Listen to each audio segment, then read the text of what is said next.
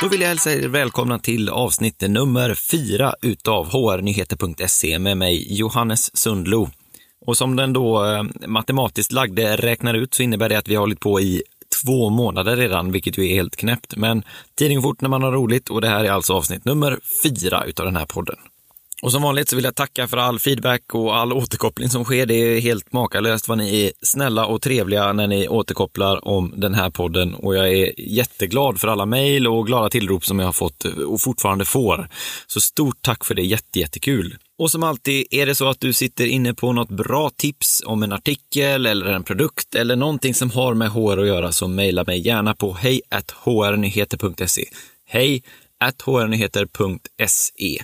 För som vanligt så är jag ju beroende av era tips och rekommendationer på sånt som händer inom HR. Eh, det blir ju mycket bättre när ni hjälper till och det gör ni ju verkligen så att jag, ja, bara keep it coming.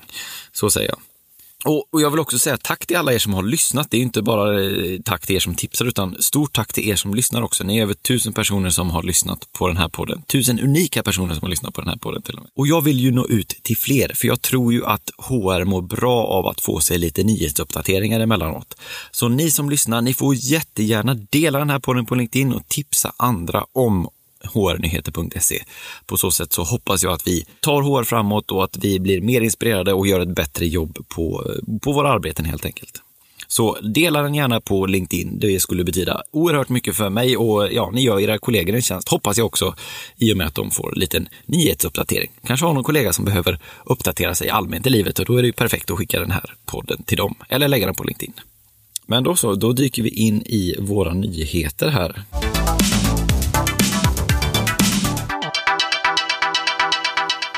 Och den första artikeln idag, det är ett praktiskt exempel på kompetensutveckling.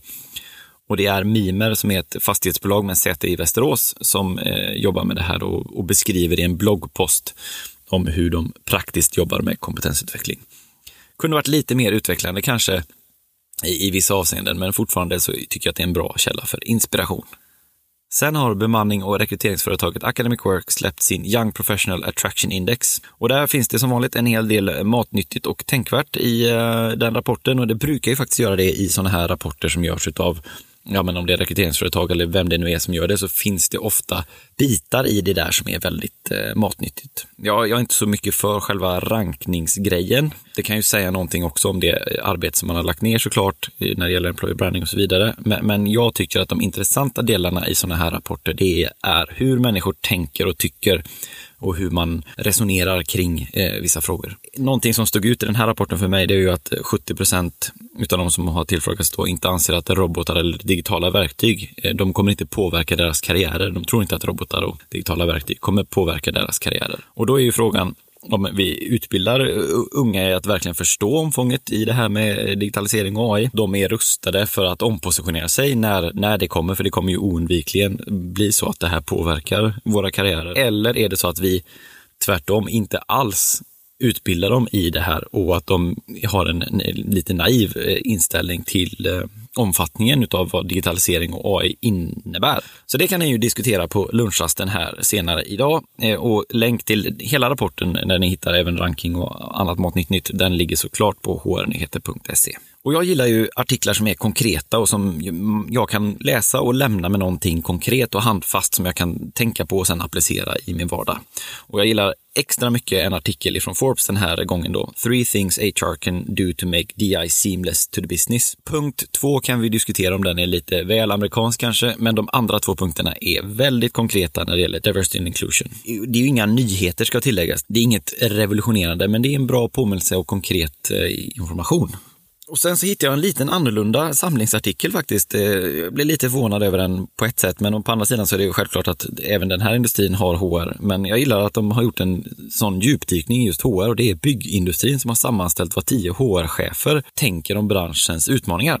Och det är ju spännande läsning även för oss som inte är i byggindustrin utan de resonerar mycket kring vilka utmaningar som byggindustrin står för och jag tror att många går att applicera även på andra yrken. Så en fin samling av artiklar är det och kudos till byggindustrin som tar det greppet. Och LinkedIns stora årliga konferens Talent Connect har precis ägt rum i Dallas förra veckan här. Och jag har haft turen på att vara på två tidigare Talent Connect. Jag älskar den konferensen, mest för att det är en neutral plattform, eller neutral och neutral kan ju diskuteras, men LinkedIn är ju själva som hostar den konferensen. Det innebär ju att alla som kommer dit är redan kunder till LinkedIn och de kränger inte speciellt mycket och det är inga andra som står och kränger heller utan det är fokus på innehåll. Det är ju en fantastisk grej när det kommer till konferenser att någon faktiskt fokuserar på innehåll. Och var du inte på i, i Dallas, eh, liksom jag den här gången då, så finns de flesta keynotes livestreamade. Jag har inte hunnit gå igenom alla än, men de jag tittat på har varit väldigt, väldigt bra. Som vanligt ska sägas och ligger såklart länk på hrnyheter.se.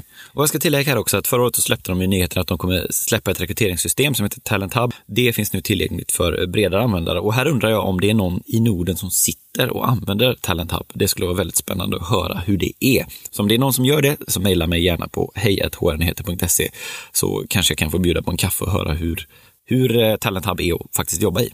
Och sen en shoutout här till Tony Pedersen som tipsade om en lång och ganska mörk story faktiskt, eh, som heter How to fix a broken special operations culture. Och den är ganska tung läsning måste jag säga, det är en tung inledning, men den lättar upp på slutet med väldigt konkreta, återigen då, jag gillar det konkreta, och tips eh, och tricks kring eh, ja, men hur man fixar kulturer och hur man jobbar med eh, kulturarbetet. Den kommer ju från det militära, eh, som namnet också ger sken av, och den är extremt fokuserad just på att bygga en sund kultur i en sunkig miljö. Kan US Marines fixa det så, så kan nog du också göra det och det är lite kontentan av det. Så att in och läs den och tack till Tony.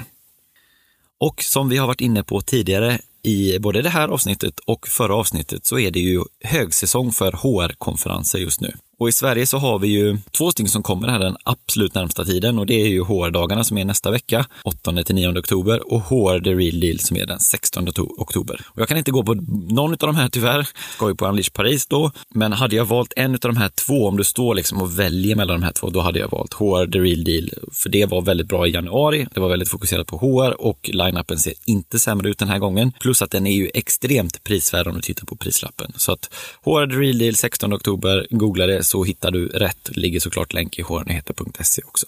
Och det var alla nyheter för den här gången. Det, det, var inte alla nyheter såklart. Det finns ju jättemycket HR-nyheter där ute, men det var de som jag hade valt ut i alla fall den här gången. Så nu dyker vi in i de som har fått nytt jobb.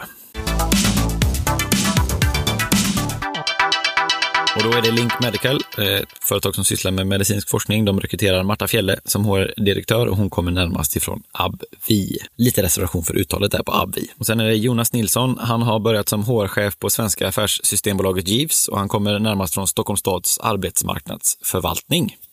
Då så rundar vi av detta. Glöm inte av att dela det här på LinkedIn. Jag skulle bli superglad om jag såg ett gäng delningar utav hrnyheter.se på LinkedIn. Glöm heller inte av att tipsa mig om du sitter på några juicy HR-nyheter.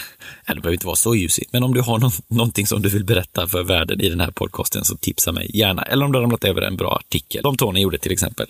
Tipsa mig gärna. Eh, hej hrnyheter.se. Jag heter Johannes Sundlo. Jag finns på sociala medier. Du får gärna lägga till mig där så syns vi och hörs vi. Kanske inte så mycket syns, mest hörs om två veckor.